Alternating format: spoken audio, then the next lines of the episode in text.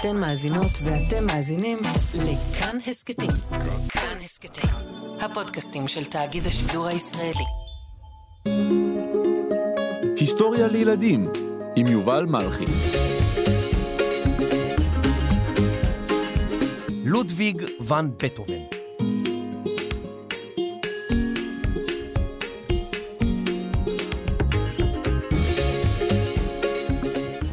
שלום ילדים, היום אני רוצה לספר לכם על...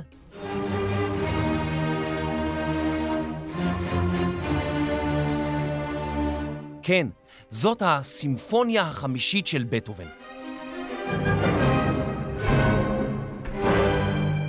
אני רוצה שתחשבו לרגע על הדבר שאתם הכי אוהבים. אולי לשחק בכדורגל, אולי לרקוד, אולי אתם אוהבים גלידה בטעם וניל, או פשוט לשבת על שפת הים בשקיעה. ומה יקרה אם הדבר שאתם הכי אוהבים נמנע מכם?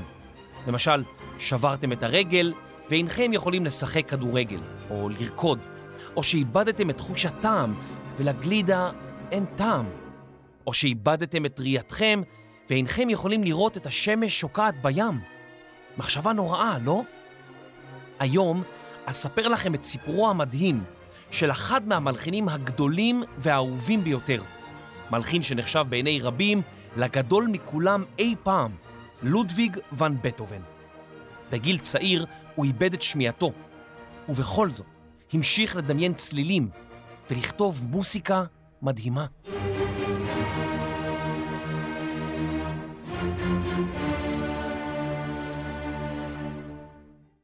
לודוויג ואן בטהובן נולד בחודש דצמבר 1770, אבל האמת היא שעד היום איש אינו יודע בוודאות מתי בדיוק נולד. הוא גדל בעיר בון, כיום בגרמניה, ואז חלק מנסיכות קלן. באותם ימים לא הייתה מדינת גרמניה, כפי שאנחנו מכירים כיום, אלא הרבה מאוד נסיכויות וממלכות. משפחתו של בטהובן עסקה במוסיקה. סבו היה זמר, ואביו לימד פסנתר וכינור. יום אחד, כאשר בטהובן היה רק בן חמש, שמע אביו מישהו שמנגן בצ'מבלו, כלי נגינה שקדם לפסנתר. או, מי זה מנגן כה יפה? אולי זה מלחין מפורסם שהגיע אליי הביתה? או אולי זה תלמיד שלי שנכנס בלי רשות? אה, סליחה, אסור לנגן... או, לודוויג, זה אתה מנגן? כן, אבא. אני פשוט... אה, לא, לא, זה יפה, אתה מנגן טוב טוב. לא, אבא. זה לא טוב, זה צ'מבלו. לא, אני התכוונת טוב טוב כמו טוב מאוד. תודה, אבא. אתה יכול ללמד אותי עוד? בטח שאני יכול. אוי, זה יהיה כיף. ננגן מהבוקר עד הלילה. אה, אבא, אני, אני עסוק, אני בדיוק צריך לחפוף את הגולות שלי. אה, אני צריך להוציא את הכיסא הזה לטיול. אה, אני לא, אני... לודוויג, תתחיל לנגן. מחר אני אחזור. אבל אבא, אוי ואבוי, מה עשיתי?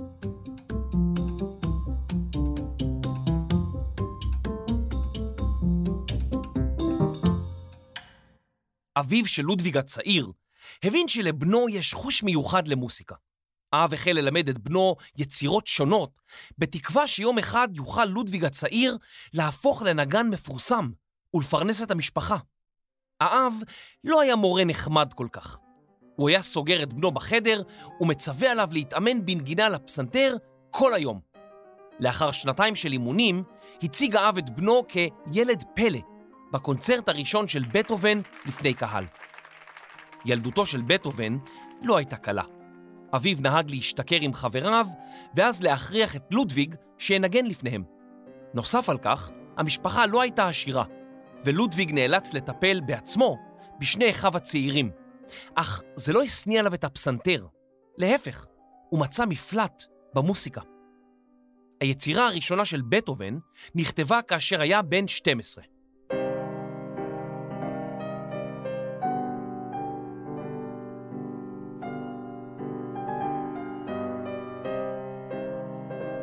תשע וריאציות לפסנתר. מה, גם אני יכול לכתוב דבר כזה. מה הבעיה לכתוב סימפוניה? זה, זה כמו לכתוב אה, היסטוריה לילדים. אני אפילו יכול לכתוב סימפוניה ושיר. כל הילדים, הם עכשיו עומדים כי הם לא שומעים היסטוריה לילדים. כל הילדים עכשיו עומדים, הם לא לומדים היסטוריה לילדים. מה, להפסיק? אה, אוקיי, אתם, אתם בטח אוהבים את זה יותר מדי. בטוח שאתם אוהבים את זה יותר מדי. לא?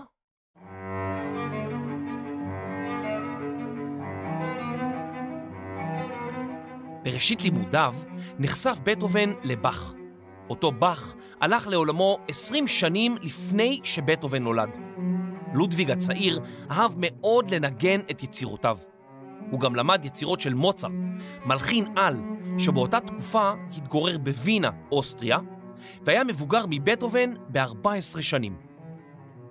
בטהובן החליט שהוא רוצה לפגוש את המלחין הגדול בעצמו. בשנת 1787, בטהובן בן ה-17 נסע לווינה. עד היום אין יודעים אם הפגישה ביניהם אכן התקיימה. יש האומרים שכאשר שמע מוצרט את בטהובן מנגן על פסנתר, הוא אמר, יש לשים לב אליו. יבוא יום והעולם כולו ידבר עליו. בטהובן חזר הביתה וגילה שאימו נפטרה. אביו אמנם היה עדיין בחיים, אבל הוא בחר לבנות את זמנו בשכרות, ובטהובן טיפל באחיו. אם זה לא מספיק, בטהובן גם חלה באבעבועות, וכל פניו התכסו בפצעים שלא החלימו. ואז הנורא ביותר החל לקרות. הוא החל לאבד את שמיעתו. בטהובן, תודה שהזמנת אותי לארוחה. מי מרוחה? לא, לא מרוחה, ארוחה. אה, אתה יכול להעביר לי את המלח? למה אתה צריך קרח? לא, לא קרח, מלח. אתה יכול להעביר לי? תשאיר לי? אני לא רוצה שתשיר. לא אמרתי לשיר, אמרתי להעביר. מהאוויר? מה קרה באוויר? יש משהו באוויר? מה, מה קורה? מה, מה בדיוק קורה באוויר? לא, אוף, לא משנה.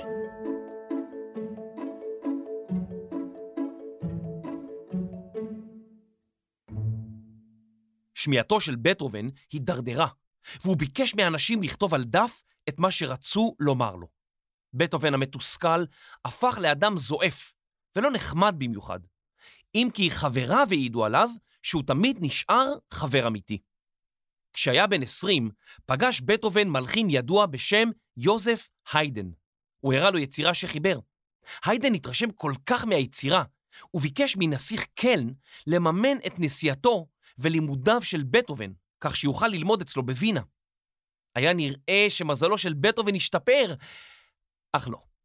לאחר כמה זמן התברר שבטהובן והיידן לא ממש מסתדרים.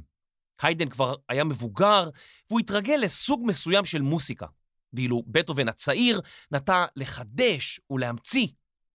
כאשר היידן עזב את וינה ונסע לאנגליה, הופסקו השיעורים. היידן נהג לכנות את בטהובן המונגולי הגדול, וזו אינה מחמאה, בשל מראהו של בטהובן. גוץ, לא יפה במיוחד, חסר נימוסים, רגזן, וכמובן, מורד. בדיעבד, מתברר שהן אופיו והן מראהו של בטהובן הושפעו מעיבוד השמיעה. הוא התרגז על כך שאנשים אינם מבינים מה הוא אומר, ושהוא אינו שומע אותם. ובעקבות כך חשב שאנשים אינם אוהבים אותו. הדוגמה הטובה ביותר לתחושת הניתוק הזו היא הרגע שבו סיימה התזמורת לנגן את הסימפוניה האחרונה של בטהובן, הסימפוניה התשיעית. יש האומרים שזו יצירתו המדהימה ביותר של בטהובן. זו יצירה ארוכה שנמשכת לאורך 90 דקות, ובסופה מקהלה שלמה שר השיר מאת פרידריך שילר, שנקרא עודה לשמחה.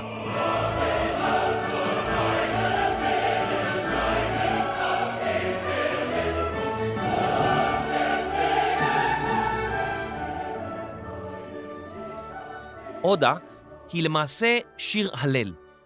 עד אותו הרגע מלחינים כלל לא העלו על הדעת לשלב תזמורת עם מקהלה, אבל בטהובן התברר כגאון מוזיקלי, ועל אף שכתב את כל היצירה הזו, כאשר הוא חירש לגמרי, הוא דמיין את השילוב בין קולות אנושיים לכלי נגינה.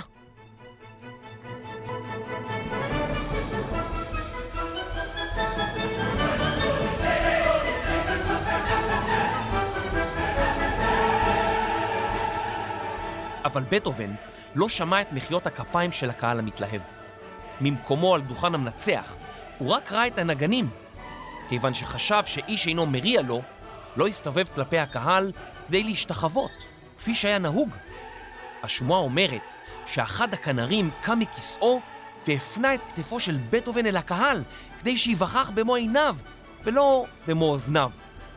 ובטהובן אכן ראה את הקהל מוחא כפיים ומריע לו.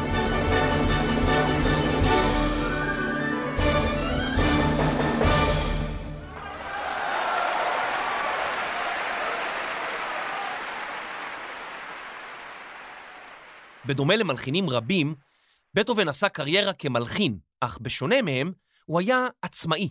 זאת אומרת שבמקום להיות תלוי בפטרון, למשל חצר אצולה או כנסייה, שקבע מה ינגן ומול מי ינגן, בטהובן כתב עבור אנשים מסוימים ששילמו לו עבור כתיבת יצירה, והוא התפרנס מהכנסות מקונצרטים, משיעורי נגינה, ממכירות יצירותיו, וכן ממתנות שקיבל לאורך הדרך. נוסף על העצמאות הזאת, בתקופה שחי בטהובן, התזמורת ניגנה בעיקר עבור אנשי אצולה, ואילו בטהובן רצה שגם העם הפשוט ישמע את יצירותיו. העובדה שהוא לא היה מחויב לחצר אצולה, אפשרה לו להשמיע את יצירותיו בקרב שכבות רבות מהאוכלוסייה. חוקרים מחלקים את יצירתו של בטהובן לשלוש תקופות. התקופה המוקדמת מתייחסת לעשור, לעשר השנים, שבין 1792 ל-1802. בתקופה הזאת החל בטהובן לזנוח את מקורות ההשראה שלו וליצור מוסיקה משלו. בעשור אחד הוא כתב 30 יצירות שונות. מוסיקה לכלי קשת, יצירות לפסנתר, וכמובן, סימפוניות. סימפוניה היא יצירה לתזמורת שלמה, שבה כל הכלים מנגנים יחד. אחד מהחידושים של בטהובן הוא יצירת סימפוניה תוכניתית. זאת אומרת שהצלילים משרתים מטרה אחרת מלבד מוסיקה. הם מביעים רגש. למשל, בסימפוניה השיט שכתב בטהובן, לכל חלק יש כותרת. סצנה על הנחל, התכנסות שמחה, והוא אף הוסיף בכתב ידו שעל הצלילים להביע את רגשותיו. אחת מהיצירות המוכרות ביותר מהתקופה הזאת נקראה בהתחלה כמו פנטזיה, סונטה מספר 14 לפסנתר. בטהובן הקדיש את היצירה לג'ולייטה גוויצ'רדי, תלמידתו לפסנתר. הוא היה מאוהב בה, אך היא התחתנה לבסוף עם מישהו ממעמדה. ברבות השנים תיאר אחד ממשוררי התקופה את היצירה בתור השתקפות אור ירח במי אגם, והכינוי נדבק ליצירה שעד היום מוכרת בשם סונטת אור ירח.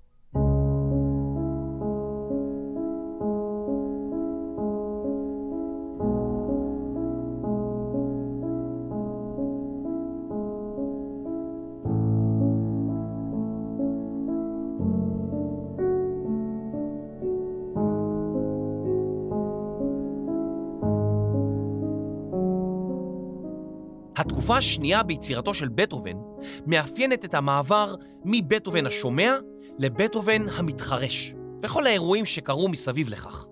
לכן אפשר לשמוע ביצירות מעבר מטון גבוה לטון נמוך, ויש המכנים זאת בתור מוזיקת המאבק. בתקופה הזאת הוא חיבר אופרה, סימפוניות, סונטות ועוד כ-80 יצירות שונות, וכל זאת רק בעשור אחד.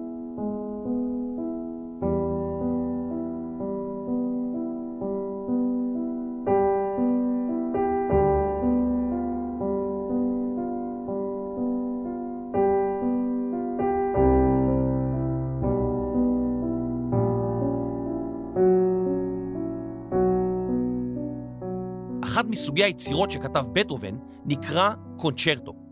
בשונה מסימפוניה, שבה כל התזמורת מנגנת יחדיו, הקונצ'רטו מתאפיין בכלי נגינה אחד שמנהל מין דו-שיח עם התזמורת. בטהובן כתב כמה וכמה קונצ'רטי לפסנתר, ככה אומרים קונצ'רטו ברבים, אבל רק קונצ'רטו אחד לכינור. הקשיבו לדו-שיח שבין הכינור לשאר כלי הנגינה.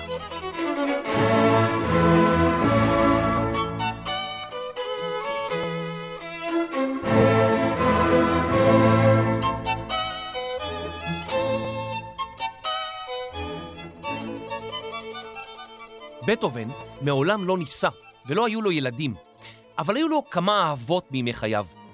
עם זאת, כל הנשים שהוא אהב בחרו בסופו של דבר להתחתן עם אנשים אחרים, בדרך כלל מעולם האצולה, במקום עם בטהובן. כל הרגשות והתשוקות שלו מצאו מקומן במוסיקה שכתב. מוסיקה המלאה בדרמה ובייסורים.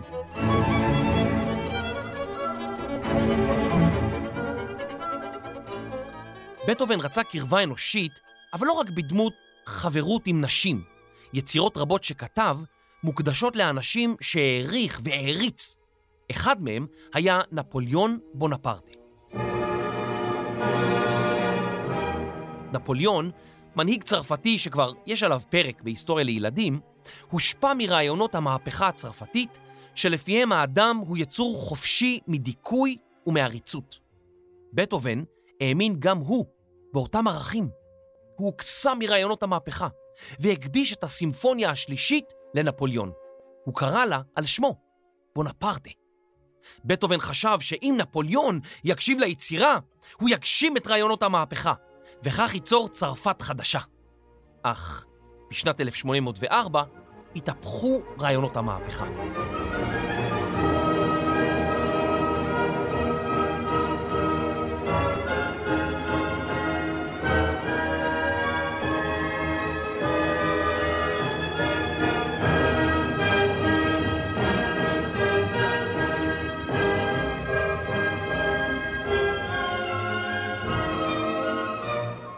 שלום ילדים, אני נפוליאון, אני מאוד מפורסם. אפילו כתבו אה, לכבודי אה, סוג של יצירה אה, מוסיקלית, אה, סימפוניה. כן, אה, כתב אותה בחור צעיר בשם אה, בטהובן, אה, ואני כל החיים אה, ידעו שכתבו עליי אה, אה, סימפוניה.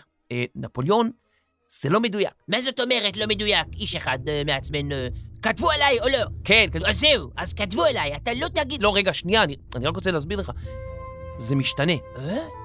תספר לי רגע מה קרה. אני, אני רוצה לדעת מה קרה. אה, כי אני כבר לא סתם אה, שליט צרפת, אני, אני קיסר. אני, אני קיסר הצרפת, כן? אתה מבין זאת, כן? כן, כן, אני מבין, אבל תקשיב, תקשיב. בשנת 1804, אתה, נפוליאון, הכרזת על עצמך בתור קיסר. נו, זה מה שאני אמר, נכון, נו, נו, ו? השליט העליון של צרפת, נפוליאון, אתה, כן, אני? החל לנהל מלחמות רבות בכל רחבי אירופה. מלחמותיו הביאו לסבל רב, להרוגים ופצועים, ובטהובן כבר לא רצה להקדיש לו כלום. אז שלא יקדיש. אה, מי זה בטהובן? אה, אף אחד לא יזכור אותו עוד אה, 200, אה, 250 שנה.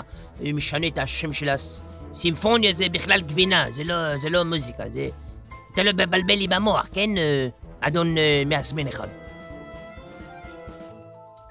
בטהובן קרא את העמוד שבו הקדיש את היצירה לנפוליאון, ושינה את שם הסימפוניה לסימפוניה הירואית, מלשון גיבור, שהולחנה לחגיגת זכרו של אדם גדול. יש האומרים שזו היצירה המקורית ביותר של בטהובן. כיוון שהיא הייתה חדשנית כל כך, לא ידעו הנגנים כיצד לנגן אותה.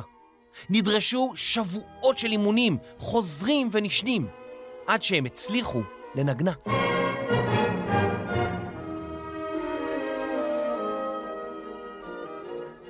היצירה המוכרת ביותר של בטהובן, הסימפוניה החמישית, או בשמה המוכר יותר, טה-טה-טה-טה, נכתבה גם כן בתקופה השנייה ביצירתו.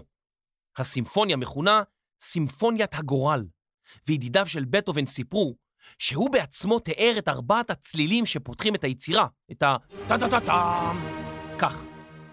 כך דפק הגורל בדלתי. טה-טה-טה-טם. לא, באמת, כששמעתי את המוזיקה הזאת, ישר רציתי להגיד, טה-טה-טה-טם, נשמע כמו, כך דפק הגורל בדלתי, טה-טה-טה-טם. תקרא בדלת, טה-טה-טה-טם, הגורל בד... יובל, יובל, מה קורה? יש פה ילדים, הם, הם מאזינים לך, מה, מה אתה השתגעת עם הטה-טה-טה-טם? עצור. סליחה, סליחה. הגורל שדפק בדלתו של בטהובן היה המאבק העיקש שלו בחרשות, שהלכה וגברה. לעומת הסימפוניה החמישית הקדושה, העמוסה, המורכבת, דווקא יצירה קטנטנה מצאה דרכה לאחת מהיצירות המקסימות ביותר של בטהובן, פור אליס.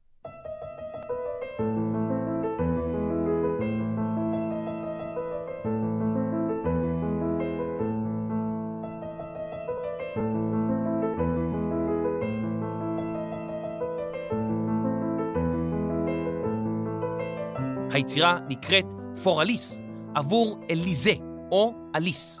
עד היום אין יודעים מי היא או מי הוא אליס. היצירה פורסמה רק 40 שנה לאחר מותו של בטהובן, וכיוון שכתב היד המקורי אבד, אי אפשר לדעת למי הקדיש בטהובן את היצירה. אולי בכלל היצירה הוקדשה לעליזה, או לכל העליזות בעולם, מה שנקרא המון עליזה. בטהובן לא רק ניגן, אלא גם דאג לקצת התעמלות, והוא אהב מאוד לטייל הרבה בטבע. את הבקרים הוא הקדיש למוזיקה, ואחר הצהריים היה יוצא לשוטט בפארקים של וינה, ובידו פנקס ועיפרון. גם כאשר לא יכול היה יותר לשמוע את הציפורים, אנשים משוחחים או הרוח בעצים, הוא הביט מסביב, התרשם, דמיין צלילים, ורשם אותם בפנקסו. התקופה השלישית ביצירתו של בטהובן, המאוחרת, מתחילה באסון שנפל עליו. אחיו האהוב, קספר בטהובן, נפטר בפתאומיות. צער רב השתלט על לודוויג, והוא החל במאבק משפטי מול אשתו של אחיו, כדי לקבל משמורת על אחיינו. המאבק נמשך שבע שנים, ובסופו קיבל בטהובן את המשמורת, אם כי הוא לא קיבל את חיבת הנער. בטהובן לא התנהג יפה לנער, ואף כלא אותו בבית לתקופות ארוכות. באופן מוזר, דווקא שנות המאבק הללו, לצד חרשותו ואופיו הקשה, יצרו בטהובן חדש, נועז, מהפכן, מורכב, עמוק, ואדם שאינו חושש להתנסות במוסיקה. בתקופה הזאת הוא כתב רביעיות, יצירות מוסיקליות לארבעה נגנים, ויצירות שונות, כולל יצירה ארוכה שנקראת סונטת המר קלביר, יצירה שנחשבת לאחת הקשות ביותר לנגן בפסנתר. יצירה מיוחדת נוספת היא מיסה סולמניס, יצירה שנכתבה עבור תפילה בכנסייה, ובתקופתו נחשבה לחשובה יותר מכל היצירות המוסיקליות שנכתבו עבור הכנסייה. יצירה נוספת שהוא יצר באותה תקופה נקראה הסימפוניה התשיעית, וכיום היא היצירה הנחשבת לשיא גאונותו של בטהובן.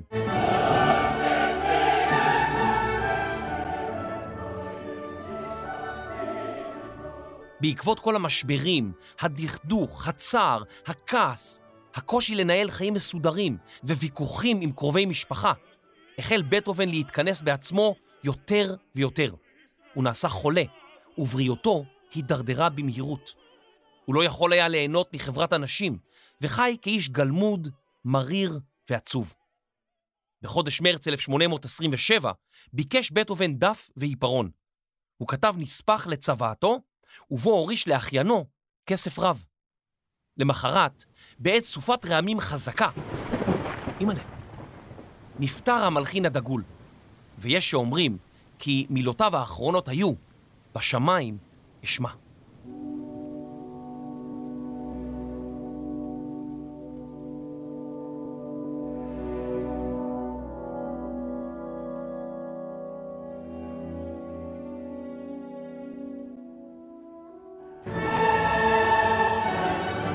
בטהובן היה אחד המוזיקאים הגדולים שחיו אי פעם.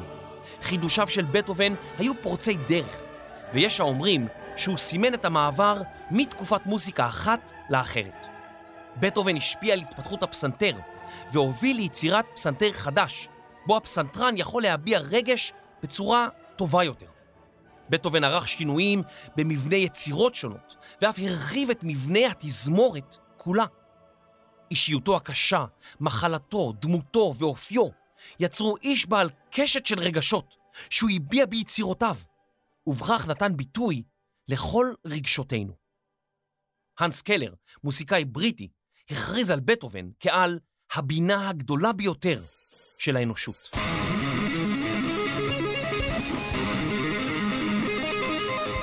בשנת 2020 העולם ציין 250 שנה להולדת בטהובן, אבל בגלל נגיף קורונה לא יכלו ברחבי העולם לחגוג את האירוע בקונצרטים ובמופעים. אז תעשו טובה, תחגגו ללודוויג יום הולדת, שימו מוזיקה של בטהובן, תעצמו עיניים ותראו לאן המוזיקה לוקחת אתכם. ליער, לקרחון באנטארקטיקה, למדבר, למטבח, להכין לעצמכם סנדוויץ' עם גבינה צהובה ועגבנית. לא, לשם, לשם דווקא לא. ולסיום, אני כתבתי מילים ליצירה של בטהובן, אני בטוח שתאהבו את היצירה החדשה. מוכנים? בואו נצא לנדודים, נשמע היסטוריה לילדים. תלבשו את הבגדים, נטוס יחדיו למאדים. כל הילדים שומעים היסטוריה, היסטוריה לילדים. כן, זה מצוין לגדול ולקטן. גם אם יש קצת עדים, אנחנו לא מפחדים. נשמע שירים וסיפורים, נשמע היסטוריה לילדים.